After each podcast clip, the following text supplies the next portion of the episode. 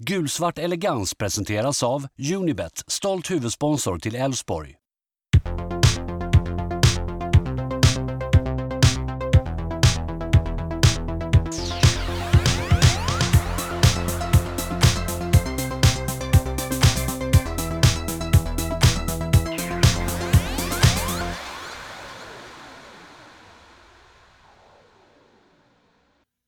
Välkomna till podden Gulsvart elegans. Vi sitter här i eh, Midweek och uh, tänkte att vi skulle prata upp framförallt matchen mot uh, Örebro här på söndag.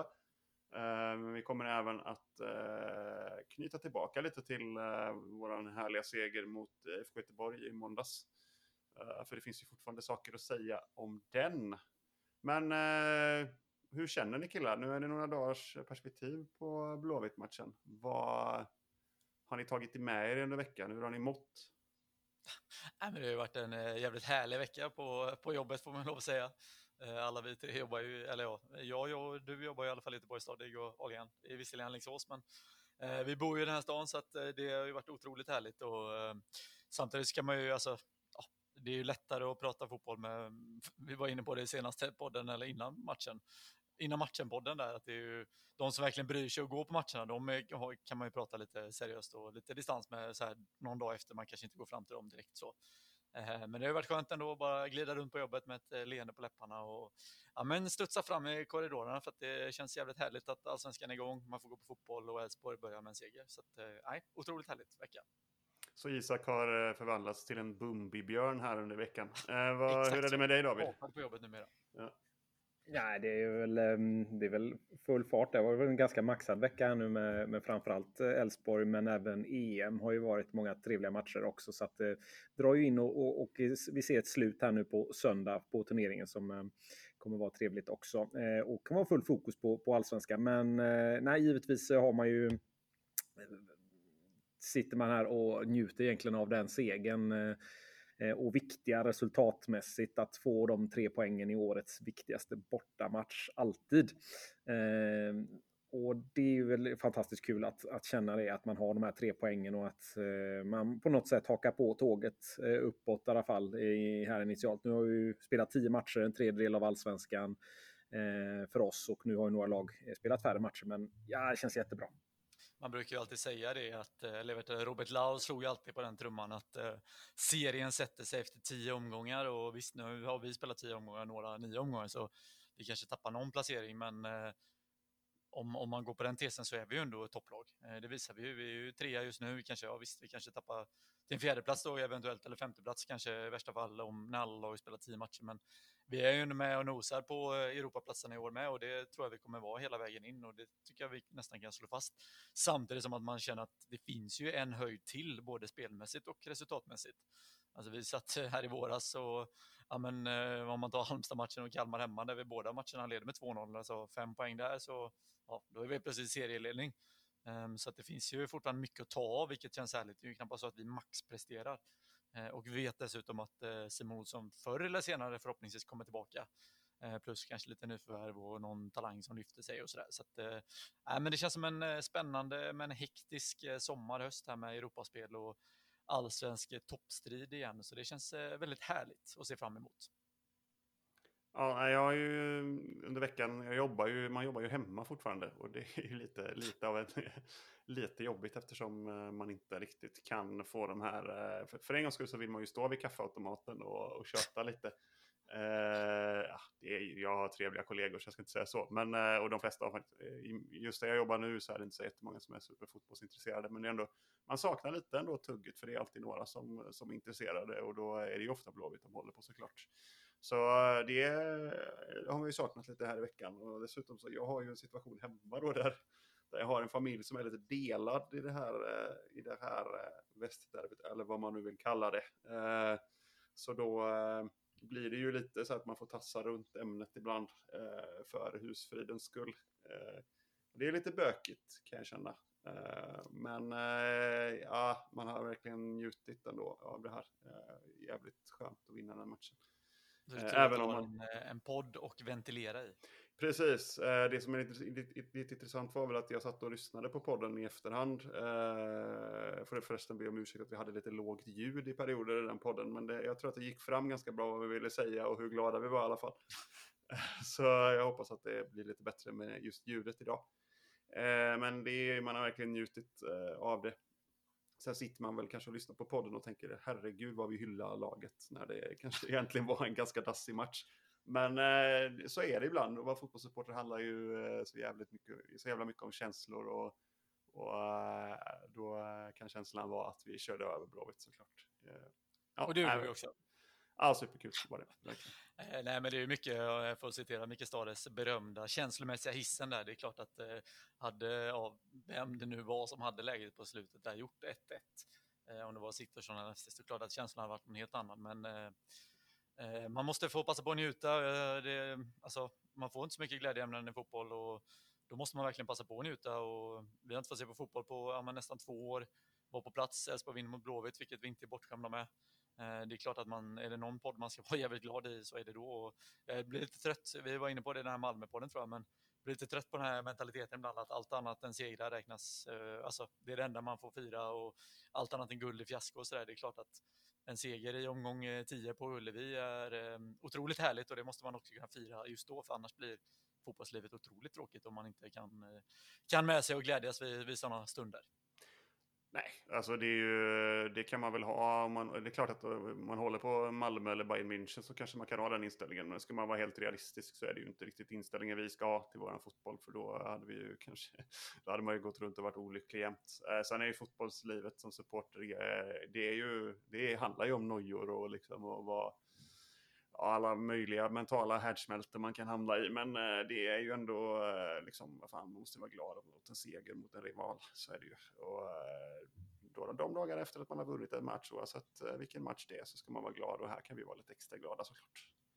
Ja, det är ju en mental 10-poängsmatch, så det är klart att det är ju helt otroligt att kunna ta den här delen. Och den, här har vi ju med oss hela säsongen på något sätt. Ehm, just den matchen där. Så att, eh, sen kommer ju en hemmamatch också. Eh, men eh, otroligt gott ta den eh, delen och sen att det var i första matchen och mot motstånd. Så att, eh, nej, otroligt skönt, eh, otroligt viktigt.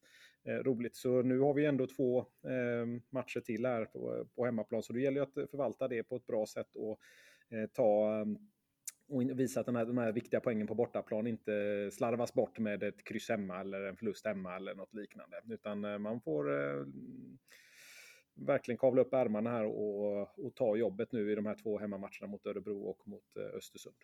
Ja, vi ska ju komma in mer på matchen här men, eh, om en liten stund, men det är klart att det spär ju verkligen på känslan av att hur viktig den här segern mot Blåvitt var, för precis som Adrian är inne på, nu har vi två hemmamatcher mot Örebro och Östersund och allting annat än sex poäng är ju egentligen fiasko. Eh, eller fiasko är väl hårt ord, men det är klart att vi ska ta två segrar där och då har vi plötsligt gjort en extrem flygande start på den här sommaren eh, och verkligen få en skjuts inåt. Eh, men det gäller ju inte att slappna av. Alltså vi, vi, man räknade ju hem två segrar där mot Halmstad och Kalmar i våras också och det gick ju käpprätt åt helvete i slutändan. Ehm, så att inget lag är tillräckligt dåligt här i Allsvenskan för att vi ska kunna slappna av helt och hållet. Så att, ehm, ja, det är fullt fokus på matchen på söndag. Men innan vi rundar av Blåvitt-matchen här, om vi ändå ska vara lite mer ja, men, eh, gå in lite mer på spelet och sådär tycker jag ändå. Ja, men jag tyckte det var intressant att lyssna på intervjuerna efter matchen med dels Johan Larsson och även Jimmy Tillin. Eh, jag såg om sista 20 eh, om matchen på Discovery och sen såg, lyssnade på intervjuerna också. Eh, och det är verkligen tydligt, de var inne på det väldigt mycket, nu vet jag inte exakt hur mycket de snackade om det innan matchen eller alltid, men just att vårt bedrövliga facit i andra halvlek där vi var sämst i serien under våren. Ehm, och då sa Johan Larsson att det är ju verkligen någonting de har diskuterat och tog ett snack inför Norrköping och där höll vi nollan. Ehm, och vi, ja, nu var det ju extremt nära att vi inte gjorde det mot Blåvitt, men vi går ändå in och vinner andra halvlek mot Blåvitt, så förhoppningsvis har vi, har vi lärt oss någonting av de här poängtappen som vi hade vår, under vårsäsongen och även förra året som vi varit inne på massa gånger. Ehm, att laget verkligen jobbar och ja, men lär sig att kontrollera matcher på något sätt och där kan vi bli ännu bättre på just döda matcherna med bollinnehav. Jag såg Andreas Brännström skrev något väldigt intressant här, Nej, intressant, men eh, häromdagen på Twitter eh, allmänt bara om eh, Englandsmatchen tror jag det var i EM Just att eh, ja, men den här förmågan att kontrollera bollen och döda matcherna sista tio. Eh, vilket den förmågan har inte vi haft eh, i varken i år eller ens förra året. Eh, sen behöver man inte köra possession i 90 minuter för det blir bara sömnigt. Men eh, kunna kontrollera matchen mer och där är ett stort steg framåt, vilket eh, båda för tillförsikt även framåt tycker jag. Just när man tittar på EM så är det väl eh, också lite intressant för jag tror att de tre lagen som faktiskt, eller de två lagen som är, som är kvar och tre av, av eh, semifinallagen är väl också de tre med högst bollinnehav. Eh, rätta mig om jag har fel, men jag tror att jag läste någon sån siffra. Så att det, det, här att det har ju varit något av en trend i, i svensk fotbollstyckeri i alla fall sista, år, sista två åren Eh, jämfört med en helt motsatt trend eh, innan dess, eh, där det fanns en diskussion kring, eh, ja det är klart att det är bra med possession liksom. Nu har det ju varit ganska mycket eh, tvärtom, att man har bara pratat om att eh, possession är i sig totalt ointressant och det eh, spelar ingen roll i längden. Men jag menar, det är ju ingen slump att de här lagen går och vinner förlängningarna. Eller straff, i, ja, nu har det ju varit straffläggningar många gånger och sådär, men men Spanien, Italien och England har ju varit väldigt bollhållande under turneringen. Eh, och sen har de väl haft lite olika typer av bollinnehav. Jag tycker kanske att både England och, och Italien har väl sett lite mer effektiva ut i perioder, även om jag tycker att Spanien såg riktigt fina ut i, i, i semifinalen. Så, så eh, att, att possession-fotbollen liksom inte är effektiv är också, tycker jag, lite av en missuppfattning. Eh, för det, det är ju, man har ju ett mål att kontrollera matchen om man använder possession, om man använder possession för det. Och eh, det kan ju vara det effektivaste sättet beroende på vad man har för trupp såklart. Eh, nu är ju Elfsborg ett eh, ganska kontringsstarkt lag, men vi har ju också ett possessionspel i oss som jag tycker kanske att vi borde få se lite, lite mer av här framöver. speciellt när Simon Olsson kanske kommer tillbaka och sådär. Så, så det, är, det, är en, det är en intressant så här, filosofisk diskussion i fotbollen som liksom aldrig dör, men jag ska säga att de som säger att possession är totalt ointressant, det gör, spelar bara roll vad man gör med bollen det är inte riktigt sant. Eh, utan det kan ju finnas en strategi också att, att eh, helt enkelt trötta ut motståndare på ett sätt som, som Spanien kanske har varit eh, absolut världsledande i. Och det, det, den fotbollen är inte död den heller. Jag tror det är viktigt att man i alla fall har en idé på vad man gör och hur man eh, framförallt varierar sitt spel då i, i den, den för att det ska vara eh, nyttigt och så. Men det är klart att kunna styra tempot, kunna trötta ut motståndarna, kunna ta det, det är ju absoluta styrkor i det. Eh, och kunna styra spelet. Sen har man duktiga spelare som, eh, som till exempel Frankrike hade som har extremt eh, kontringsstarka spelare och så, eh, fick ju direkt problem när de inte kunde föra spelet. Eh, men ska de fått möta eh, ett lag i sin egen nivå på något sätt så hade ju de varit väldigt eh, giftiga mot alla sådana possession-lag till exempel. Så att eh, det gäller lite vad man har för spelartyper och vad man har och, och, och variation och så. Och knyter vi tillbaka lite till Elfsborg-Blåvitt-matchen där så kunde man ändå se det här med diagonala passningar tyckte jag var lite roligt att se att man hade där, att man försökte ändå vara lite kompakta och lite eh, ta de bitarna och gjorde det svårt och man kände ändå att matchen, även om Blåvitt hade en del chanser, alltså spelmässigt och så vidare, så så var ju matchen, den levde ju hela tiden eh, och Elfsborg stack upp hela tiden på, på något sätt där. Så att, eh, variationen där tror jag är viktig och att man kan göra det och därför behövs det liksom variera sig lite grann med, med eh, framförallt mitten och lite annat för att det ska kunna Eh, till exempel våra två mittbackar som vi har nu då, Väisänen och, och Mauro Chargé. Två spelare med jättefin uppspelsfot eh, som, som, man, som jag tror absolut man skulle kunna nyttja eh, ytterligare om man säger så nu eh, de, de resterande matcherna som vi har här. Eh, och sen har vi lite olika delar så där kunde man ju se en viss skillnad nu när, när Okomo var borta här att ja, Väisänen och, och Maudo då liksom bra uppspel, styrka, fysik på Maudo kanske. Visar en, en stark ledare, visar att han är uppmärksam. Han, han är, eh, drar till sig uppmärksamhet också. Eh, Väisänen liksom positionsstark, kommunikativ, styr spelet bra, även han uppspelsfot. Så jag känns, det, känns, det känns ganska bra där. Eh, men det hade jag gärna sett att vi hade utnyttjat mycket mer då. Eh, just för att skapa den här variationen och kunna styra spelet. Eh, så det vill jag se mer. Ja, verkligen. Om vi fortsätter lite snabbt med Blåvitt, om man kollar på lite statistik och så. Alltså känslan på plats var ju att vi gjorde en rätt bedrövlig första halvlek och verkligen tog tag i det i andra halvlek. Och, ja, vi gör ju faktiskt en bättre halvlek än vad Blåvitt gör. Eh, vi har mer skott på mål. Eh, visst, vi har, om man kollar på några expected goals och så, så är det väl ganska jämnt om man tar bort för straffen. Men det visar också på, eh, ja, men som vi var inne på redan senast, att vi har lite mer kvalitetsspelare också. Än vad, eh, ja, men än vad Blåvitt har i dagsläget. Och det, det ska vi utnyttja också, men som vi är inne på, vi, ja, vi kan bli ännu bättre på just eh, döda och kontrollera matcher, för då, kan vi få ordning på våra andra halvlekar och verkligen ja, men bevara dem, alltså vi är otroligt bra i första halvlek, där är vi bäst i serien.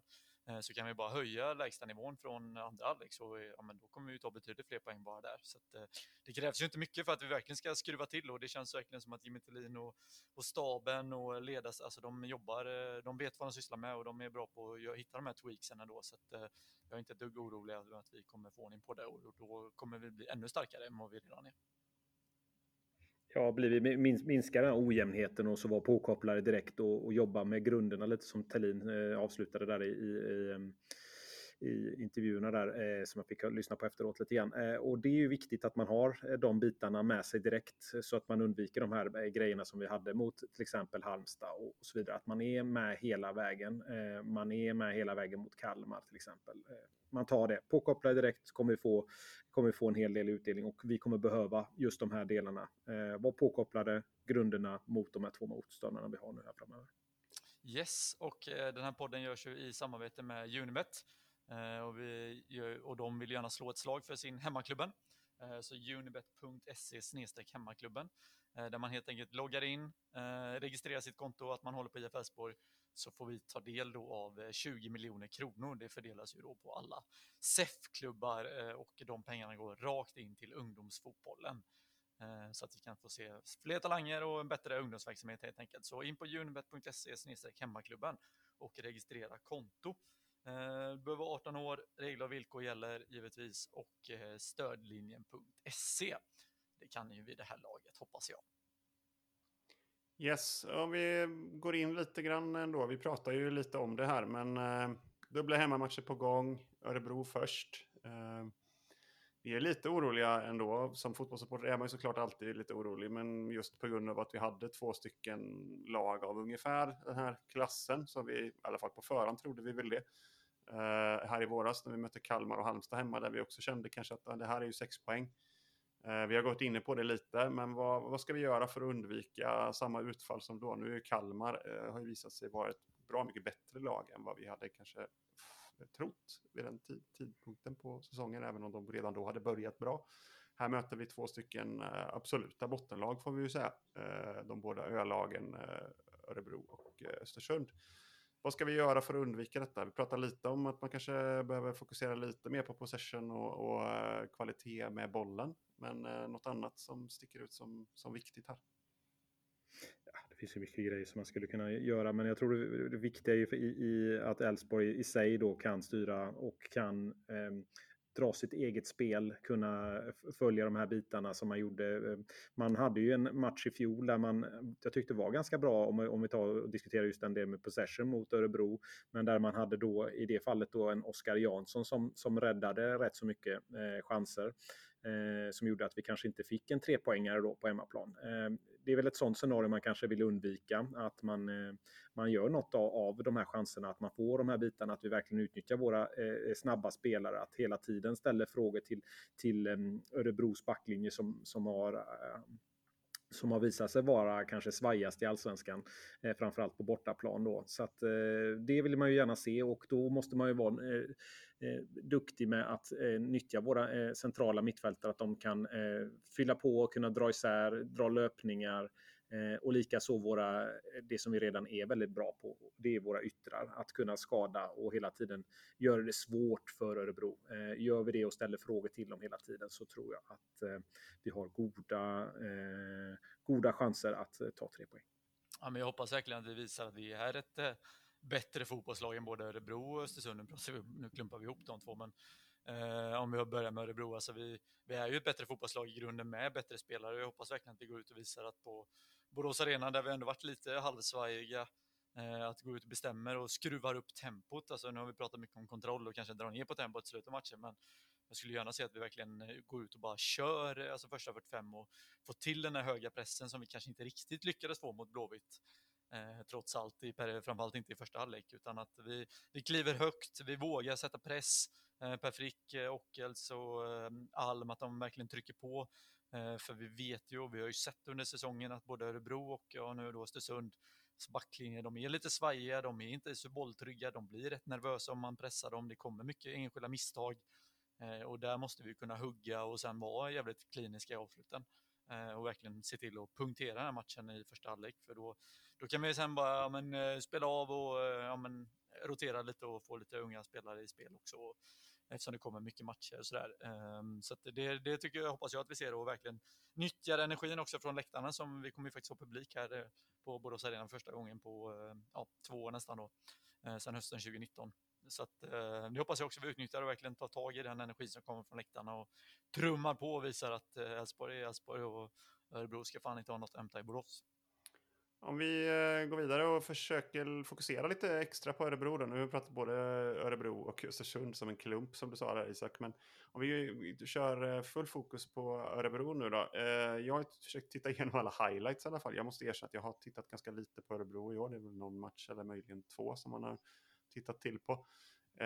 Och de, har ju, de hade ju en extremt tung start. Förlorade bland annat med Östersund, mot Östersund med, med 5-0, vilket ju var ett uppseendeväckande resultat måste man säga. Sen har de ju gjort en del eh, förändringar här under sommaren. De har ju eh, bytt, eh, eller Axel Kjell har gått och blivit sportchef, eller om han är klubbchef, men jag tror det är sportchef, titeln där. Och Vitor Gazimba, portugis, har tagit över. Gammal ungdomstränare i ÖSK som jag förstått det. Pratas om att han är väldigt omtyckt. Eh, har ju bara haft en match här, eh, en tävlingsmatch. Och det var mot Djurgården, förlorade med 3-0. Tittar man highlights i matchen så är det ju, eh, ja, det, det var ju eh, ett ganska passivt försvarsspel som, som syntes stundtals. Men det var också en del chanser ändå för Örebro. Bland annat ett jätteskott av David Seger. Men vi hade även några andra skott som vissnade utanför stolpen och, och liknande. Så det var inte helt Bortamatchen. Framförallt vid, vid ställningen 1-0 till Djurgården så hade ju ändå Örebro lite chanser. Vad, vad säger du David? Vad, vad säger du om liksom styrkor och svagheter i, i Örebro? Eh, styrkor är väl, eh, om vi ska börja med det då, så är det väl att eh, ja, Dennis Hymmet har väl varit helt okej okay för dem. Han har gjort tre av fem mål och viktig för deras spel och deras kreativitet i deras anfall. En spelare som, som du nämnde där, David Seger, har väl varit väldigt viktig just att servera bollar och komma fram. Men sen har ju han inte kanske eh, lyckats själv då med effektiviteten att kunna göra mål och sådär. Eh, men det är väl de två spelarna som kanske sticker ut främst. Eh, då i, om man tittar på de matcherna som har varit. Eh, och du tog upp Östersundsmatchen där. De, jag tyckte faktiskt, jag såg den matchen och jag tyckte Örebro gjorde faktiskt en ganska bra match till chansmässigt och så, men, eh, men blev ju ganska tungt straffade av Blair Turgott där, bland annat. Och, så att de har väl haft och varit stark, eller mänskliga på hemmaplan, inte helt jättedåliga, men på bortaplan har de ju släppt in 14 mål av 19. Det, där har vi väl, man kan se om man ska gå in på svagheter då, eh, en stor ett stort problem där. Och vad är problemet i Örebro? Jo, kanske det att många av de spelarna som de har hämtat in och många spelare som, som var eh, bärande spelare i fjol som eh, eh och, och tidigare då har ju inte liksom lyckas, eh, lyckas överhuvudtaget. Jag tänker på så Kevin Wright, Martin Broberg, eh, Jake Larsson, Kevin Walker.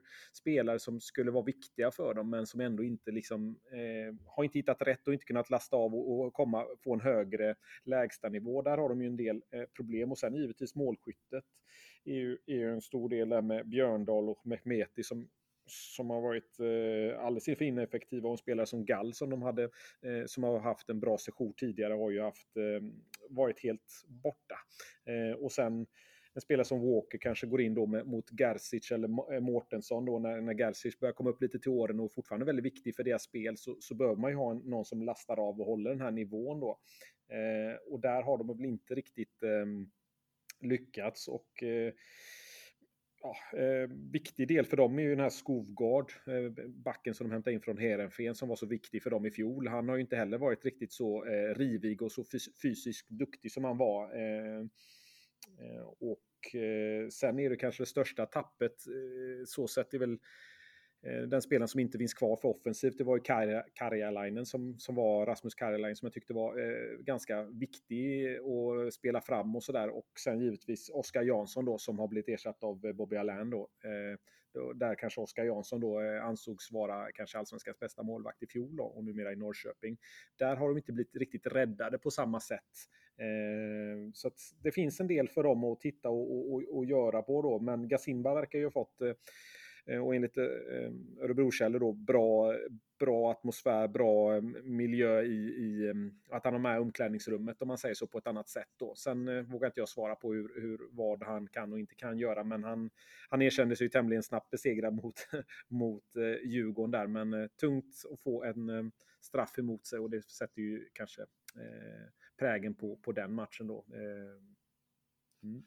Ja, och nu, nu nämnde du ganska många spelare som inte är kvar och kanske du ändå inte nämnde den som eh, saknas absolut mest och faktiskt är på väg tillbaka nu då i Nahir Besara som kanske var allsvenskans viktigaste spelare eh, förra sessionen i Örebro. Och han verkar vara tillbaka och även Julian Ahmad då så att de behöver ju lite offensiv, offensiv kraft. Men jag tycker Örebro de är väl lite som vi var för några år sedan, att det, det är lite fina spelare, alltså David Seger och eh, Jake Erik Larsson och Kolander och det, ja, eh, några till där som är, som är helt okej okay liksom och det är individuellt sett bra men det finns liksom ingen riktigt struktur i det och de har ju också varit så att de har ju lånat in väldigt många spelare. Alltså, eh, Hymmet är på lån, Gall har varit på lån, eh, Skovgård har varit på lån eh, och ytterligare några till. Så att, det känns som att de inte riktigt har fått till det här långsiktiga bygget i Örebro av olika anledningar och det, det är väl det de vill få till nu när Axel Kjell eh, kliver upp ett steg men eh, Eh, de får börja jobba snabbt i Örebro för att eh, annars så finns det ju eh, stor eh, risk eller chans beroende på vem man frågar att de eh, nog brakar ur allsvenskan för det känns som ett av seriens sämsta lag eh, just också att inte individuellt sett men att de är i negativ spiral och inte riktigt lyfter som de själva har hoppats och trott på kanske. Eh, och att det kanske inte är riktigt spelare som, eh, som har pannbenet för att kriga i en bottenstrid. Eh, jag tänker på Dennis Hymmet och ja, några till där. Så att, eh, ja, eh, de behöver nog få in både Besara och Hamad om Örebro ska lyfta. Nu jinxar jag så, men eh, det, individuellt sett så finns det en hel del fina spelare och jag tycker både Kolander och Seger känns eh, väldigt spännande så sätt. Så att, de, de får man väl hålla ett extra öga på tycker jag på söndag om man tittar lite på statistiskt och eh, siffermässigt på, på liksom prestationer som, eh, som eh, Örebro har så är det ju lite intressant att eh, nästan alla spelare sticker faktiskt ut defensivt trots att de har släppt, ut, släppt in 19 mål eh, på dessa nio matcher. 19 mål på nio matcher är inget vidare facit och det är ändå så att de defensiva spelarna, i det här fallet så topp top tre rent statistiskt i, i Örebro, är Skovgard överlägsen. Mårtensson, defensiv mittfältare som vi alla vet. Och eh, Mikael Almebäck som är mittback som dessutom fått väldigt mycket kritik i år. Eh, men det är ändå de tre spelarna som rent statistiskt, eh, jag vet att detta är liksom eh, algoritmer som kanske inte alltid säger allt, men de säger någonting. Eh, och om det är de tre spelarna som sticker ut mest om man ändå har släppt in så pass mycket mål, då, då har laget haft problem får man säga målvakten Bobby Allen som också fått ganska mycket kritik ligger, ligger faktiskt också topp 10 i alla fall prestationsmässigt i lag. Han ligger på en åttonde plats här och också väldigt tydligt eh, eh, att eh, trots att de har släppt in många mål så, så har han varit en av de bättre i laget eh, rent statistiskt. Så ah, det, det, det är ju ganska det är ganska klent eh, presterat än så länge, men eh, som sagt, jag håller med Isak. Ja, det är lätt att jinxa det här väldigt mycket nu. Såklart. Ja, men precis, men också kollar man eh, rent statistiskt också så är de ju faktiskt i princip så dåliga som tabellen visar. Alltså de, visst, de har släppt in lite mer mål än expected conceded goals eller vad man nu vill kalla men de är ändå, alltså expected conceded goals är ju uppe på 18, alltså de förväntas släppa in 17,5 mål och de har släppt in 19, så det tyder ju ändå på att någonting är någonting är tokfel och de har minst bollinnehav i hela allsvenskan än så länge. Eh, vilket då betyder, vi ligger tredje sist i den kategorin, så det betyder inte såklart inte allting. Men eh, det är mycket så, de är ganska utspelade de flesta matcher och eh, förlorar också oftast med expected goals. Så det är inte så att siffrorna ljuger eller som det kan vara ibland, att de har haft mycket otur eller stolpskott eller vad det nu kan vara, utan eh, Örebro har väldigt mycket att jobba på och jag hoppas verkligen inte att de får ordning till det på söndag och där måste vi ju verkligen kunna ja, men gå ut och bestämma att eh, det här är Borås Arena och hit ska ni fan inte komma och ta några poäng. Nej, så är det ju. Eh, och det är klart att jag menar, gör man fem mål på nio matcher så är det ju någonting som är fel i anfallet. Det är ju någonting, och där nämner ni givetvis eh, Besara och Hamad som kanske är då på väg in, men inte mot oss. Eh, och sen givetvis då som, ehm, ja, Skogard är väl, är väl ändå eh, mittback främst då. Eh, men hur som helst, det som jag ser som är deras stora problem är ju, är det defensiva mittfältet. Eh, där jag tycker att där rinner det igenom alldeles för mycket med Gersis och, och Mårtensson då. Och där hade de väl förhoppningar med, med Walker då, eller, eller ja, att de skulle kunna stänga av den delen mycket bättre. Och där ser jag att de har tydliga brister i i den och sen kanske inte tydliga ytterbackar heller som, som, som går och, och, och gör det mer svårläst, utan de är ganska eh, där har de varit ganska platta om man säger så. Eh, så det är ju flera faktorer där som, som, som gör att de ligger där de ligger. Jag skulle inte räkna ut dem ännu eh, med eh, så, men det är klart att det är ju inte det är ju tufft att ligga sist i tabellen efter, efter nio omgångar i deras fall då. Så att de får ju de får, kommer få behöva lägga in det och komma in med lite ny, nya injektioner, lite ny energi. Och det kommer nog inte komma mot oss, men eh, jag tror att vi, vi ska kunna kapitalisera på detta och, och eh, definitivt kunna styra spelet och eh, göra det riktigt svårt för, för Örebro på söndag. Ja, äh, men kollar man, eh, kollar man liksom predictions på matchen baserat på, eh, på eh, dataanalys och bettingbolag och allt möjligt. Alla parametrar talar ju, på, talar ju för en, en Elfsborgsseger. Det är väl ungefär 60 procents eh, sannolikhet att Elfsborg vinner den här matchen. Eh, så det är klart att oavsett eh, jinx eller inte jinx så det är klart att vi ska vara favoriter i den här matchen. Det vore ju märkligt om vi inte uttalar oss eh, på det sättet. Så eh, ja, absolut. Eh, sen bara en sista grej där nu, eh, alltså just offensiven har, om man kollar på expected goals, nu blir det mycket siffror, men där de, de har ändå lite mer spets i offensiven än de här fem målen som de gjort. Så där finns det ändå lite mer för dem att hämta. Det är ju framförallt försvaret som har varit deras enorma problem, för där är de exakt lika roliga som siffrorna visar. Och det är klart att då sånt speglar sig in i i framåt också. Jag menar, släpper man in tre, fyra mål varje match eh, då får man inte mycket självförtroende i laget och då, då kommer man knappast in något stint framåt heller. Så att, eh, det gäller att verkligen trycka pedalen i botten och eh, visa var skåpet ska stå redan från början för då, då kommer nog Örebros eh, ja, dåliga självförtroende siffra fram och känna att de, inte, att de är underlägsna även den här matchen, precis som vi såg mot Djurgården. Så är det eh, Och sen historiskt sett så är det ju, har de ju haft ganska svårt mot oss eh, på hemmaplan. Eh, jag tror jag tittar 26 matcher så har vi 18 segrar och 6 kryss och 2 förluster mot dem. Så att, eh, eh, och sen ja, givetvis eh, på bortaplan så är, så är siffrorna eh, något liknande mot fast i Örebros favör. Då. Eh, så att, nej, jag tror att vi har ganska bra eh, förutsättningar här nu att kunna, att kunna straffa dem. Och har man allsvenskans sämsta offensiv och släpper in mest mål så ligger man där man gör av en anledning. Eh, så att det får vi verkligen ta det och eh, jobbet måste göras och man får vara påkopplad direkt och då, då, kommer, vi, då kommer vi få med oss ett favorabelt resultat härifrån. Det såg vi inte minst i fjol när vi inte var påkopplade borta mot Örebro och eh, ja, tappade matchen till förlust. Så att vi hade faktiskt en negativ statistik mot dem i fjol. 1-1 hemma, en bedrövlig insats och sen så torsk borta. Så att, eh, eh, precis som vi sa innan, det, det, går inte att ställa ut skorna eh, mot något lag i Allsvenskan för då, då tappar man poäng. Eh, ska vi ändå nämna lite Dennis Hymmet? Det var ett jävla liv i fjol eh, under hösten, eh, bortamatchen eh, framför allt. Ehm, ja, han tillhör väl oss hemmamatchen kanske, kommer inte ihåg. han tillhör oss. Ja, precis. Eh, men bortamatchen, det var ett jävla liv om han skulle få spela eller inte. Jag har inte sett någon sån diskussion i år. Eh, så jag antar att han är med från start. Men vad, vad har vi att säga om, om, om den situationen nu när det ändå blir likadant som i fjol? I fjol var det ju väldigt infekterat. Man kände ju att eh, ja, någon höll inte vad de lovade eller bröt någonting. Jag vet inte, jag har inte insatt. Men eh, det var ju uppenbarligen inte tänkt att han skulle spela och det gjorde han till slut, vilket jag inte har något problem med. Men uppenbarligen så blev vi väldigt sura på situationen i alla fall. Så ja, hur, hur känner vi där? Att eh, Dennis Ymmet ändå tillhör Elfsborg och ska spela mot oss på, på söndag. Nej, men finns det ett avtal som säger att han inte ska spela så är det ju jävligt dåligt gjort. Så är det ju. Problemet är att de avtalen är ju då inte, alltså de inte, man får inte skriva sådana avtal. Längre. Nej. Precis. Men ja, jag vet inte. Så, det, så det var någon form av gentleman's agreement där som man förstod Exakt. det som. och det är klart att det var väl lite grann det, anledningen kanske varför man var villig att, att låna ut Hymmet till en seriekollega då.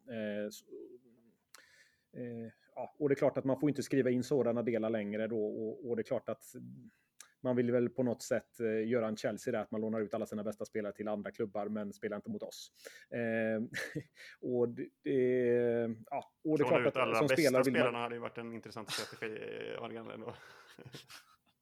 Nej, men det, det, är ju spelare som, som, som ändå ska utbildas i andra lag och, och, och Hymmet är väl inte... Han är väl, han är väl för bra för det. Eh, att, att sitta på bänken och han är Eh, det. Så att han ska ju spela givetvis. Och det, Hymmet är ju i alla fall en spelare som jag eh, såg en hel del potential när han kom från, från det. Sen, sen måste han ju liksom, han måste ju ta stegen i, i en spelande klubb. Men, eh, så det är givetvis att han är ju, släkten är ju värst på något sätt där. Han kan ju våran klubb och allt annat och så. Nu kommer det inte vara samma överraskningsmoment då kanske eh, som det var i fjol. Nu vet vi att han är med och att vi kommer få, få möta honom och vi vet hans styrkor och svagheter. Så, att, eh, så han får man ju definitivt försöka låsa då. Han spelar väl lite mer eh, släpande numera eh, bakom anfallarna. Eh, eller bakom i senaste matchen i alla fall så var väl mer Björndal då eh, spets och så Mehmeti in och så fick ju han ligga där. Medan i fjol då så var han ju eh, kanske mer center och mer, betydligt mer delaktig. Eh, det var min känsla lite grann. Det är lite hur man, hur man väljer att nyttja honom då. Så att, eh, så att vi ska försöka neutralisera honom och Eh, och förhoppningsvis så går ju han mållös eh, på söndag då. Men det är ju, det är ju den spelaren som är, eh, i alla fall statistiskt sett, Eh, största hotet. Jag kan ju bara känna att det var ju synd att vi inte jag menar att vi inte sålde av honom i vintras när vi hade möjligheten. Och jag vet inte vad Örebro ville, vad, vad ville jag betala hit och dit, men det där är väl nu. Alltså, han har inte imponerat jättemycket och jag har svårt att se att han kommer höja. Alltså, han kanske gör ett jättebra höst, vad vet jag. Men än så länge har han inte direkt höjt sitt marknadsvärde här under våren och jag känner bara att fan, kan vi inte bara riva plåstret här och bli av med honom så man slipper tänka på liksom hela situationen. Nu vet vi att han kommer komma tillbaka. Han har ytterligare ett år kvar då på kontrakt hos oss. Och så ska man ha ytterligare en soppa där han ska vara med på någon försäsong eventuellt och vara sur och butter och ingen vill ha honom där och han vill inte vara där. Och Nej, jag känner att eh, här kanske Elfsborg ändå var lite dumsnåla eh, utan, eh, utan att ha någon aning om vad som låg på bordet.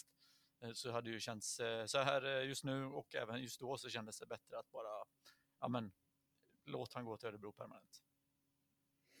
Ja, man vill ju få tillbaka sina investerade pengar kan jag tänka, men, men självklart så vill man ju liksom ta det och, och, och um, jag tyckte ändå att han var helt okej okay i fjol eh, i Örebro och gjorde, gjorde, eh, gjorde, en bra grej, vilket gjorde att jag tyckte att han höjde sitt marknadsvärde. Eh, och det är klart att han skulle inte ligga och um, bara få göra inhopp hos oss. Det är ju, är ju kapitalförstörelse på något sätt. Så det är klart att på så sätt tycker jag det är väl okej okay att han kommer tillbaka till Örebro och, och visar sig vara deras viktigaste spelare eh, offensivt sett hittills då. Eh, sen om ehm, ja, det kommer in lite nyförvärv nu så kan det ju rotera lite grann i, i, hos dem då, men ehm, det är klart att man, man får försöka få se att han, att han eh, gör så bra som möjligt i Örebro, men inte mot oss. Och sen eh, kanske tar ett steg vidare då. Eh, sen vet man aldrig vad som händer om det försvinner någon spelare från oss eller något annat och att eh, situationen skulle förändras. Men som det ser ut just nu så, så ser det ju ganska svårt ut för, för honom att, att uh, ta en steg. Men saker och ting kan alltid förändras och olika delar kan göra skadeläge eller vad som helst. Uh, så, men um, Ja, jag är tämligen övertygad om att vi aldrig kommer att få se Dennis Hymmet göra en minut i allsvenskan för IF Elfsborg.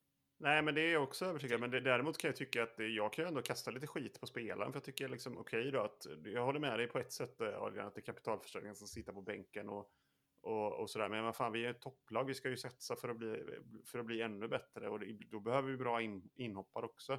Och Dennis, ska man vara helt ärlig, han presterade ju väldigt, väldigt lite när han väl kom in. Och han fick ändå ganska mycket chanser tyckte jag. Första året framförallt när han kom till oss så fick han ju faktiskt ganska mycket speltid. Eh, och tog, gjorde absolut noll och inget med den. Eh, och då kände jag någonstans att visst, han passar inte riktigt in i vårt lagbygge så som det eh, var i alla fall. Eh, nu vet jag inte, i, i år hade det väl kanske kunnat finnas en användning för honom med tanke på att vi vi eh, saknar Simon Olsson. Men jag menar, han, han var inte nära att peta Simon Olsson. Det måste han ju förstå. Det måste vara en reality check för honom också. Förstå att eh, det är klart att han inte gör. Sett till hur Simon presterade i fjol. Så eh, jag tycker väl liksom att det är lite så.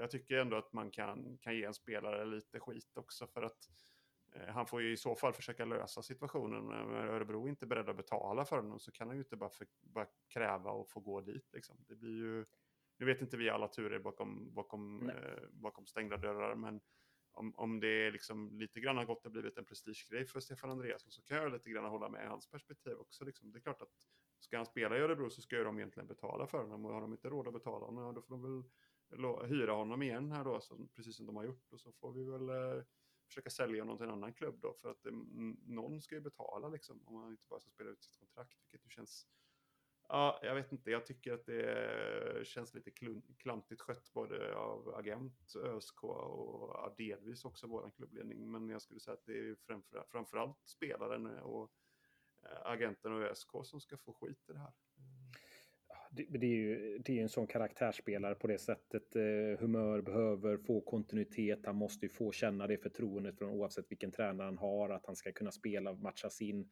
Eh, så det tror jag är väldigt viktigt för, för Hummet för att han ska eh, känna sig, och alla andra spelare för den delen, eh, lyckas i sin roll och sin del. Eh, sen är det ju alltid viktigt att kunna frigöra löneutrymme och kunna lägga det på någon annan spelare eller, eller öppna upp då. Så att, så sätt är det ju en viktig del då. Men eh, ja, vi får väl se vad, vad, vad det landar i. Men eh, inga, jag hoppas på inte på några mål. Vi lyckas låsa honom hårt och eh, eh, så, så, ska han nog gå mållös här. Men eh, jag tycker det är en bra spelare. Ehm, eh, men har lite svårt kanske i ett eh, bollförande lag att, att lyckas. Eh, det, det är väl känslan nu efter att ha sett honom.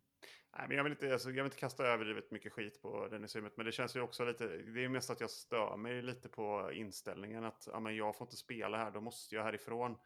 Eh, och på vilka villkor som helst. Jag menar, det är ju någonstans... Han presterar ju tillräckligt mycket, tycker jag, eh, för att få ett kontrakt i Örebro. Eh, och, men Örebro kan ju inte bara förvänta sig att få honom gratis. Det är liksom, nu blir det ju typ så, för att han kommer att spela ut sitt kontrakt antagligen. Uh, men uh, jag tycker ändå det är liksom lite det är klantigt skött av, av Hymmets agent. Det är klantigt skött av, av Dennis Hymmet och det är, och det är ganska svagt agerat av, av Örebro också. Att inte, om det är en spelare de tror på, vilket det uppenbarligen är, för de verkar ju hålla honom väldigt högt, då måste man kunna skramla, om, skramla ihop de pengarna. Det var inga, det var inga stora belopp. Uh, jag förstår att det är lite jobbigt under covid och sådär, men, men då får man väl prioritera om i truppen lite grann. Ja, men absolut. Det var mycket turer fram och tillbaka, men eh, ja, det, mm, vi får hoppas att han eh, inte gör så mycket väsen av sig på, på söndag helt enkelt. Yes. Olgan, du hade kikat ut några, några tips här till matchen kanske? Ja, det, vi hade ju ett tips i förra podden när vi nämnde att vi trodde att eh, Elfsborg eh, vinner och håller nollan. Eh, nu har jag inte sett det sista budet på den, men jag har ett nytt spel och, eh, som är ganska likvärdigt. Men den eh, baserar sig på att Elfsborg leder i halvlek och vid fulltid. Så att alltså man leder i halvtid och även vid slutsignal eh, till oddset 2,28. Det tyckte jag var spelbart. Eh, I och med att Elfsborg har så pass bra och starka första halvlekar så tror jag att ta ledningen där och så håller vi detta. Eh, för vi är påkopplade direkt. Så att den tror jag på. Mm. Och vi kan säga att eh, Elfsborg innehåller nollan står just nu till 2,70 eh, gånger pengarna där också man vill ha lite mer högre odds än det andra. Eh, regler och villkor gäller såklart 18 år och stödlinjen.se. Och betten gör såklart på unibet.se också. Det glömde vi att säga där ja. i början. Ja. Det hoppas jag ni har lärt er vid det här laget, men det är alltid bäst att tillägga. Ja. Eh, då kommer nästa härliga punkt. Vad fan är det egentligen för fel på Örebro? Vad säger vi? det är svårt. Eh, det är ju, det är väl lite det, att, att, att den tystnaden som någonstans uppkommer när man... Eh, vi har ju pratat lite hymmet, så där fanns ju en liten, liten tagg ändå. Det ja, det är fan det största felet. Uh, men i övrigt är det väl, jag vet ju att det finns säkert supportrar runt om i Sverige som, som känner mer för Örebro än vad jag gör. Men är, inte, felet med, är inte felet med Örebro, alltså dels den här liksom totala intresseandet. Alltså det är bara grått. De, de, de bara finns där. Alla tippar dem alltid nia för att de ska komma nia, vilket de inte alltid gör. Eh, och det stör man ju också på att säga, alla, inte ens de som, alltså de som jag har polare som knappt följer allsvenskan som bara, ja men Örebro slutar nia. Och det är också bara, jaha, är det deras identitet liksom? Det, det säger ju ingenting liksom. Nej, men det är väl lite det att de, har, de är ju varken liksom en talangklubb som bara får fram spelare och säljer vidare. Eller det har de varit ganska dåliga på. Ja, de, har ju heller inte, de har ju heller inte presterat någonting sportsligt i någon större, i, i någon längre. Alltså visst, de har väl hamnat femma någon gång och sådär. Och de har, jag tror de har en andra plats i serien om jag inte missminner mig från, från eh, tidigt 2000-tal, möjligen slutet av 90-talet. Dan Salin. ja, precis. De hade ju någon säsong där när de faktiskt var med i en toppstrid, men det är ju... Sen har de väl de har ingen kupptitel och alltså det, det är lite så. Um, det blir ju varken sats, hackat eller malet någonstans och det är ju ändå, det är inte, det är inte, vi har ju om inte annat eh, bevisat att det går från en lite mindre stad ändå att, att eh, ha en tydlig identitet där man strävar mot toppen och vara en utmanare och sådär. Och där har ju Örebro egentligen aldrig hamnat. Så att det är väl det som är, som är ja, pudelns kärna någonstans. Att, eh, det är väl det som är felet på Örebro. Ja, de skulle kunna vara som oss och Norrköping egentligen. Nu har vi ja, såklart mycket längre historik bakåt också, men alla möjligheter borde ju finnas där. Eh, jämnstora städer och allting, men eh, de är ju faktiskt inte i närheten av varken oss eller, eller Norrköping och har egentligen aldrig varit det heller över tid. Så att, eh, ehm, men å andra sidan, det är en eh, härlig bortaresa. Får jag ändå. Det är bra avstånd för en bortaresa. Så att, eh, det, kan man alltid, det kan man alltid, det ska de ha ändå. Det ligger på bra avstånd. Och Bern Arena är en helt okej arena också. Eh, den, eh, de kunde byggt taket lite längre ut så att den täcker borta så. Men annars så är den helt okej arena får man ändå säga, lov att säga. Jag har ju också hört talas om att det finns ett hockeylag i Örebro också. Eh, det gör ju, det gör ju någonting. Det är alltid ett, ett minus. Eh, tycker jag. Så det vill jag föra till protokollet. Ja, nej, men det är väl lite identitetskris som man har fått där. Man har inte riktigt lyckats med det. Ekonomin har inte varit i topp och det är klart, då blir det ju så att hockeyn och andra grejer helt plötsligt eh, konkurrerar om samma pengar och, och ska visas vara vad som är det. Och på något sätt har väl eh, ÖSK då varit kanske det som har varit främst i, i Örebro eh, då fram tills nu då, där börjar ruckas lite på, på, på um, vad som är den eh, främsta elitlaget i Örebro kanske då. Så att, eh, nej, jag håller ja, med. Det visar ju också, alltså, nu ska vi inte snacka hockey, men, men Örebro Hockey då, de kommer ju från egentligen ingenstans och är numera en väletablerad, välmående... Ja, da, ja, da, ja, da, ja, da, ja, Nej, men med mycket publik också. Och det, alltså, uppenbarligen går, det finns ju ett idrottsintresse i Örebro, men det lyckas ju, misslyckas ju ÖSK totalt att kapitalisera på.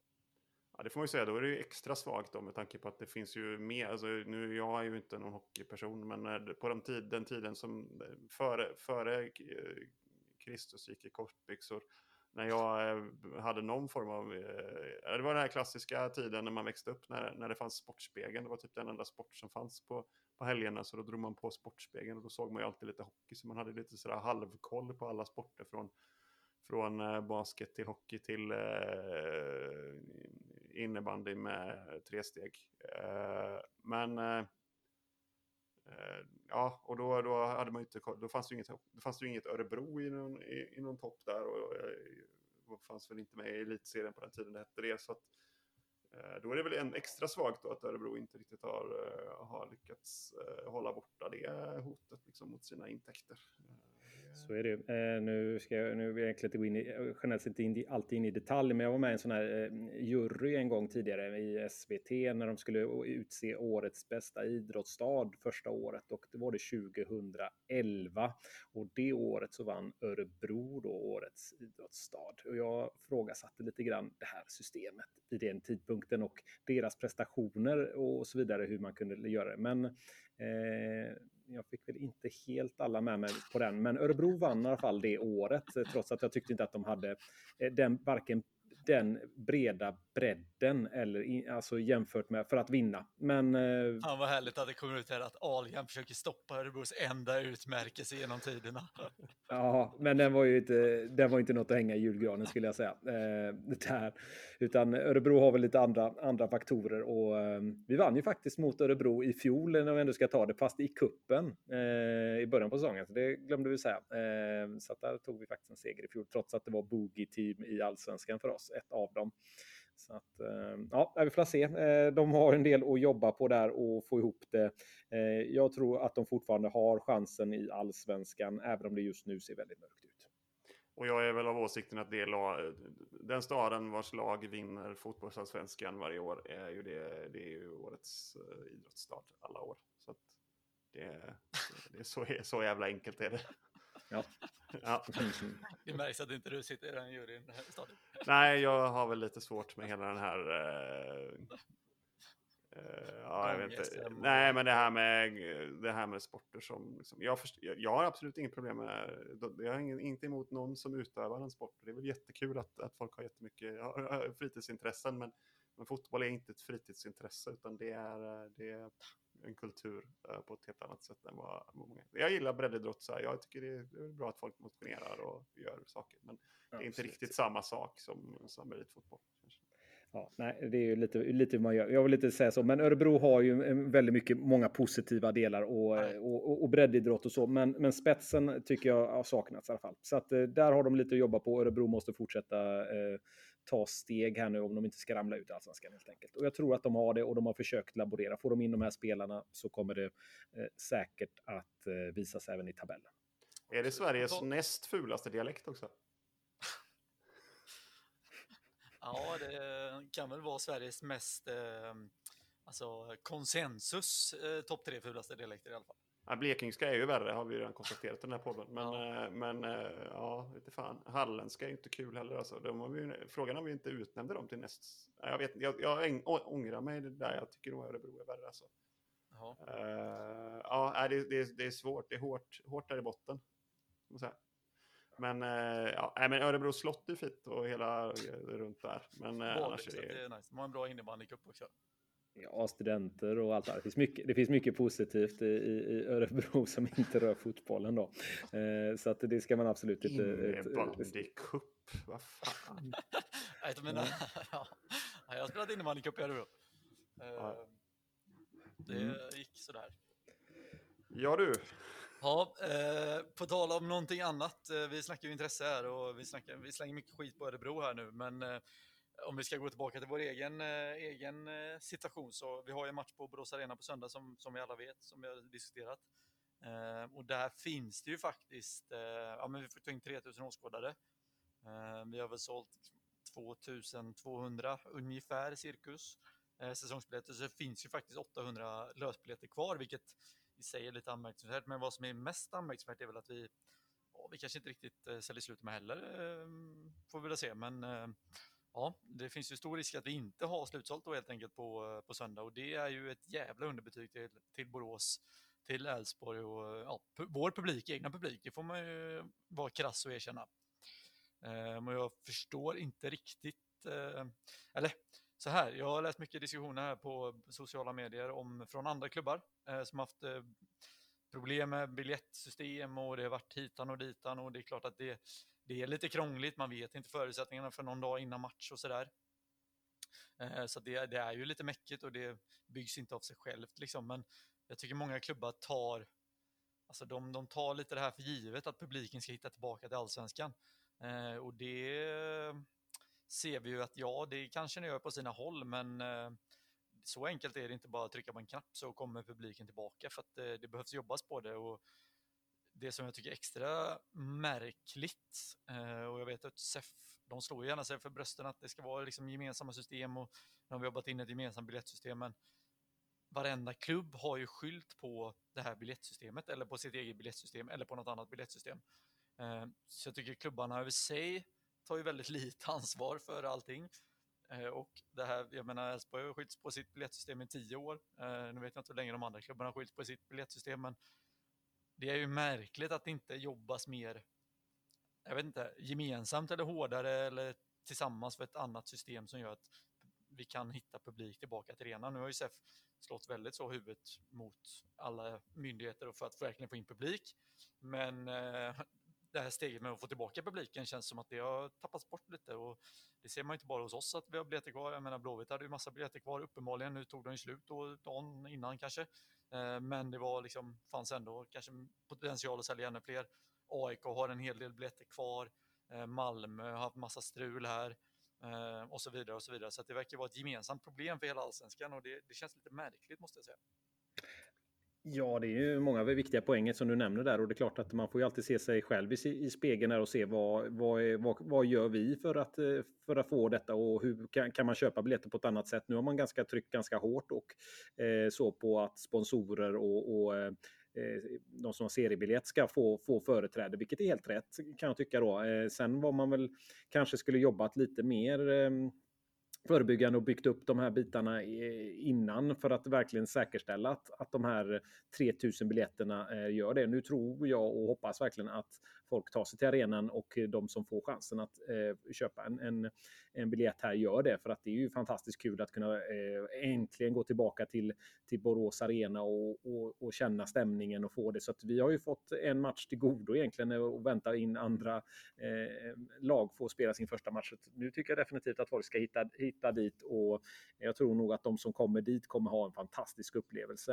Eh, det jag säger ingenting, men att man har ett gemensamt biljettsystem som, in, som som fallerar, det, det är ju faktiskt lite oroväckande. Samtidigt får inte klubbarna sitta med armarna i kors och tänka att ja, men det det löser sig självt, det, bara tickar in. Eh, utan man måste jobba liksom från, från marknivå, man måste liksom verkligen vara det. Så, lite som man gjorde förr egentligen, att skapa ett intresse. Vad visar sig i stan? Visar eh, att det är match på andra sätt, också fysiskt, inte bara i sociala medier som, är, som i och för sig är extremt viktigt idag. Men eh, för att just säkerställa att vi är ehm, eh, att, att vi kan ta det och visa att vi kan ta ansvar på ett bra sätt här nu. Ehm, Ja, men verkligen. Och, ja, men, förlåt, sorry. Nej, men jag såg också, på tal om sociala medier och sådär, eller så här, det är klart att det är liksom relativt korta förberedelser och restriktioner ändras lite titt som tätt och det har varit svårt att veta, men samtidigt, alltså, vi har ju ändå vetat att publiken kommer tillbaka någon dag och att den dagen publiken skulle komma tillbaka så visste väl folk att det skulle vara med restriktioner. Sen exakt hur de såg ut, det var väl svårt att veta, men det, det kan ju inte komma som en chock att det finns lite restriktioner att jobba med. Eh, och samtidigt så, så det måste ju ändå kunna finnas lite mer förberedelser och lite mer ja, men på hugget. Och där tycker jag Elfsborg inte alls eh, hänger med heller och det har vi ju sällan gjort. Men uppenbarligen är vi inte ensamma heller. Eh, och jag såg någon eh, Malmösport där, de eh, fick väldigt mycket kritik, Malmö själva nu, när deras hantering mot både Riga här nu i de spelar Champions League eh, igår och eh, nu mot Sirius. Och det var någon som la upp där att ja, men, ja, Jonas Hansson skrev en krönika på Fotboll Skåne, den var väldigt relaterbar tyvärr eh, hur Malmö jobbar jämfört med och Elfsborg jobbar också för den delen. Men just att vi har inte heller några kampanjer i sociala medier, alltså det, det är inga sponsrade inlägg. Visst, nu har vi haft en seriebiljettskampanj som eh, ändå varit relativt lyckad om jag har förstått saken rätt. Men det måste ju ändå kunna tryckas på ännu hårdare på det här med lösbiljetter nu när, när det faktiskt finns biljetter kvar. Um, så där tycker jag vi borde kunna steppa upp. För precis som du är inne på Adrian, det, vi, det, vi har ju varit på en match nu, eller jag och David har varit på två matcher till och med med damlaget och det har ju varit fantastiska upplevelser så att jag är helt övertygad om att när publiken väl har satt sin fot på Borås Arena kommer de tycka att det var lika härligt som förr, men det är inte bara att trycka på en knapp för att få tillbaka dem. Så där, där borde vi kunna vara lite mer proaktivt och lite mer aggressivt. Nej, men om man tittar på den intressedrivande man jobbar, hur man jobbar där, det, det, där är jag helt enig. Det finns ju jättemycket mer grejer man, man behöver göra där. Eh, sen kan jag tycka att det är lite svårt, för jag är ju i och med att vi inte sitter liksom i, här har vi ju en nackdel att vi inte bor i Borås för vi har inte riktigt tugget därifrån på samma sätt som man har kanske när man, eh, när man, när man bor där. Men det, det man märker på matcherna är ju att, eh, att snittåldern på publiken på, på ståplats har ju gått upp ganska mycket eh, de senaste åren. Eh, och det är väl också någon grej, eh, det är ju ex, exempelvis en grej som man behöver jobba med. Och jag vet att vi hade ju kampanjer med eh, där ungdomar bjöds in på matcher och vi har haft eh, lite liksom lika, olika, lika olika kampanjer och vi har, nu kommer jag inte ihåg exakt vad det heter, men vi har ju haft lite så här CSR-verksamhet också som har jobbat med att försöka få sprida att Elfsborg finns till, eh, till grupper som kanske inte hade så bra koll på, på svensk, att man, svensk allsvensk fotboll tidigare. Så, där. så där tror jag att man måste jobba jättemycket mer eh, när det handlar om den biten. Sen är det ju lite intressant det här med liksom IT-infrastruktur kring biljettsystem, för det är ju fan inte ofta det går rätt alltså. Det är ju, jag vet var den här stan så haveriet kring Liseberg när de skulle släppa sina biljetter. Det var ju liksom eh, evig, det var ju en följetong i, i, i tio dagar liksom. Eh, allting som kunde gå snett gick ju snett. Sen har vi de här klassiska när man släpper biljetter på Ullevi där liksom eh, varenda scalper har fått tag på 25 biljetter men ingen annan får tag på biljetter först och sen så får alla tag på biljetter och sen ja, det är en väldigt märklig eh, Ja, det verkar hantering. vara något, alltså uppenbarligen så tjänar ju biljettföretagen på att ha skitsystem. Ja, det, det, måste ju vara så att, eh, att, att inte bygga ut infrastrukturen kring det är faktiskt någonting man tjänar pengar på. Sen finns det ju vissa branscher som jag tycker ändå oftast generellt sett lyckas med biljetthantering och det är ju kanske de man borde titta mer på. Fotbollen kanske borde titta mindre på liksom Live Nation och, och Ullevi-spelningar och mer på jag vet inte, SF Bio liksom, eller något liknande. Någonting som är mer eh, returning, eh, kundvårdsinriktade i sin hantering kring biljetter. För att i alla fall mina upplevelser kring, kring att boka biobiljetter är ju lite mer positiva än att boka biljetter på någonting annat egentligen. Uh, och det borde vara mer jämförbart med, med uh, fotbollsbiljetter. Nu förstår jag också som sagt att det blir väldigt knepigt om man nu exempelvis i det här fallet då att man, man får boka max fyra biljetter och du måste ha ett visst avstånd och sådär är inte helt lätt att lösa. Eh, jag tror att det är liksom ur IT-infrastruktursynpunkt kanske inte heller är eh, det är inte lätt att lösa det här. Eh, men normalt sett så borde ju biljetthanteringen funka bättre än vad den gör. I en pandemi, ja, inte lätt. Men absolut, jag är väl enig med dig Isak att det, det kanske hade behövts lite mer förberedelser generellt. Så att man är redo den dagen det drar ut. Men jag, jag tänker mig att det, det har många olika anledningar. Absolut. Nej, jag, jag, det finns massor av spännande saker att säga i det här. Sen, man, visst, man kan säga att det är semestertider. Det finns massa olika saker som ska göra. Man, man måste fortfarande ta tjuren vid hornen och, och, verkligen kolla på den här frågan.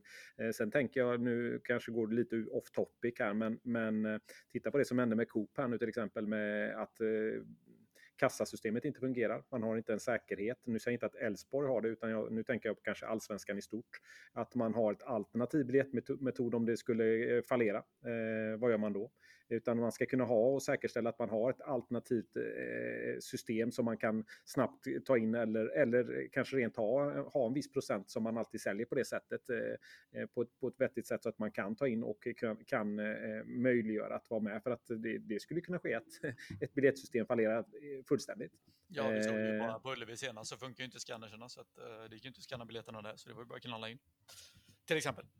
Ja, eh, så, så, det, finns ju många, det finns ju många bitar där att, att, eh, att förbättra i, för, för allsvenskan i stort och sådär. Nu har jag inte hört att vi eh, i den utsträckningen haft det problemet med Elfsborg. Ni får rätta mig om fel, men det har säkert skett. Men jag, jag har inte hört i alla fall den delen. Men där kan det alltid bli bättre. Och, och på något sätt är det lite charmigt att man går till ett ställe och så får sin biljett eh, och får den här liksom trevliga delen. Jag tror det är lite Borås på något sätt att man kan göra det. Sen ska det ju vara eh, smidigt och digitalt och du ska kunna få alla delar eh, på ett sätt när det passar en och så sätt. Men jag tror att det där är, är viktigt för Borås och det är viktigt för att man, att man visar att vi är lite mer stad och att det är lite mer familjärt på något sätt och att alla kommer närmare. Jag tror det är viktigt för Borås för att, för att publiken ska kunna känna den eh, Eh, tillhörigheten på något sätt. Eh, så sätt. Ja, precis. Jag vill bara avsluta, eh, bara sammanfatta lite eller, och sen ta upp en sista minigrej på tal om detta. Men eh, det, hela kontentan tycker jag att det, det blir alldeles för lätt att bara skylla på biljettsystemet. Ja, men då får man väl jobba utifrån de begränsningarna och verkligen ja, men, göra så bra som möjligt. För nu är det mer som att klubbarna bara, ja, men det är biljettsystemet som är skit och så tror man att folk ändå ska sitta kvar och köa eller vad man nu vill göra för biljetter. Och då, då blir man ju bara sur och så bidrar man inte till att hype. Alltså om jag eh, ska försöka köpa en biljett och det tar tio timmar, då kommer inte jag liksom köta med min polare som, och be han sätta sig tio timmar för att det kommer inte han att göra, men jag kanske gör det för att jag är eh, dum i huvudet och vill gå ändå. Um, så där, sen eh, på tal om det här med att ja, men, jobba extra mot ungdomar, där var ju verkligen ett jätteproblem och jag vet ju att det har tagits fram ett speciellt ungdomskort i år som inte har marknadsfört överhuvudtaget. Eh, det finns ett jättebra ungdomskort som kostar knappt ingenting där man eh, folk under en viss ålder, om det var 15 eller 18 eller ja, jag har inte exakt nummer i huvudet, eh, som vi kanske har sålt ja, 10-20 stycken av för att ingen vet om att det finns. Så bara en sån grej, där borde vi verkligen marknadsfört betydligt mer. Sen kan jag tycka alltså, att vi kunde varit lite mer proaktiva här nu också. Alltså, vi vet ju, det blev ju lite problematik på Ullevi att allt satt blandat. Eh, och nu säljer vi kanske inte slut våra biljetter eller så gör vi det sista dagen, det vet vi inte. Men jag tycker att, vad fan, SEF skyller på att de inte kan ha en bortasektion för att det är för kort varsel. Jag tycker fan öppna, alltså släppa in 50 pers på bortastå, det hade inte varit så jävla svårt att ordna eh, med det här varslet. Alltså vi har ju en hel kortsida som inte kommer användas, eller två kortsidor. Eh, och dessutom en hel kortsida med sittplatser. Ja, men det räcker ju att ta emot 50 bortasupportrar mm. eh, så har vi löst de problemen. Verkligen. Det, ja, det har varit en snygg gest också tycker jag. Ja. för att vi, ja, jag tycker det är, det är också en lärdom som jag tycker att man bör ta med sig inom svensk fotboll. Så här, vi kan ju, det, jag tycker det, det ingår ju att sitta och håna och, och vara, vara Eh, vara allmänt raljant mot sina motståndare och det är verkligen sådär. Men alltså just bortasupportrar är ju en jävligt viktig del av svensk fotboll oavsett vad man tycker liksom om, om, eh, eh, om just de bortasupportrar som dyker upp. Men det är ju, det är ju, det är ju liksom, det finns ju ingen anledning för svensk fotboll att hålla på och motarbeta bortasupportrar liksom, för det kommer ju aldrig att det, det, är ju inte så att man blir av med dem man, man, eh, man vill bli av med på det sättet, utan man blir ju i så fall bara av med dem som eh, kanske inte kanske man vill ha det. Alltså det blir lite så här, det blir ju konstigt. Nu, nu tycker jag ju att alla bortasupportrar ska vara på plats oavsett liksom vad de, vad de tillhör för och vad de har för för äh, nu, det blir jävligt rörigt där. Men jag, alltså, generellt sett så tar han, man behöver inte göra en Häcken-grej av det, att man liksom gör ett te tema på bortasektionen. Men jag ty tycker faktiskt inte att den är så dum, den idén som, som många, många inom svensk supporterkultur tycker då. Men jag, jag, tycker ju generellt sett att ta hand om era bortasupportrar också, det är väl inte konstigare än att försöka behandla dem som människor också. Ja, jag menar som sagt, det finns ingenting i restriktionerna som förbjuder det. Alltså SJ får man ju åka utan restriktioner nu för tiden. Eh, och det, det enda uttalandet jag har läst är att det är för kort varsel och blir för krångligt och det, det köper jag verkligen inte argumentet. Så det är ju bara, det är bara konstigt.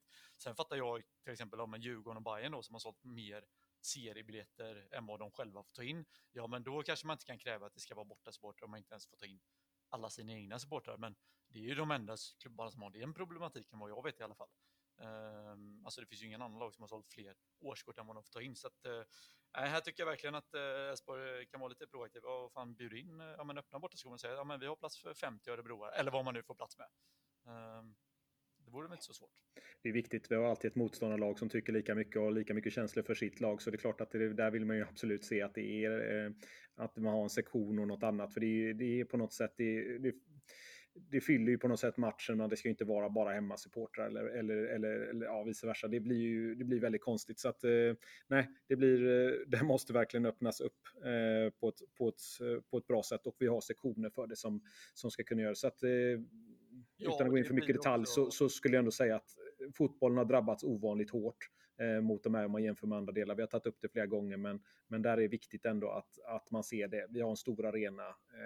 Eh, fyller så, så, så många SJ-tåg. Ha samma regler, gör det enkelt, eh, se till att det blir en, en, en bra och säker fest. Eh, och ja, det, och det blir ju också sista där, men det blir ju alltså, det blir bättre för alla om bortasupportrarna står på ett samma ställe. Det såg vi på Ullevi att det var inte kanske optimalt med utspritt utan fan, samla upp dem på en sektion och så får de en trevlig upplevelse, alla andra får en trevlig upplevelse och så får vi, får vi tillbaka den här fotbollsfesten som vi har saknat nu i ett och ett halvt, eh, två år här nu.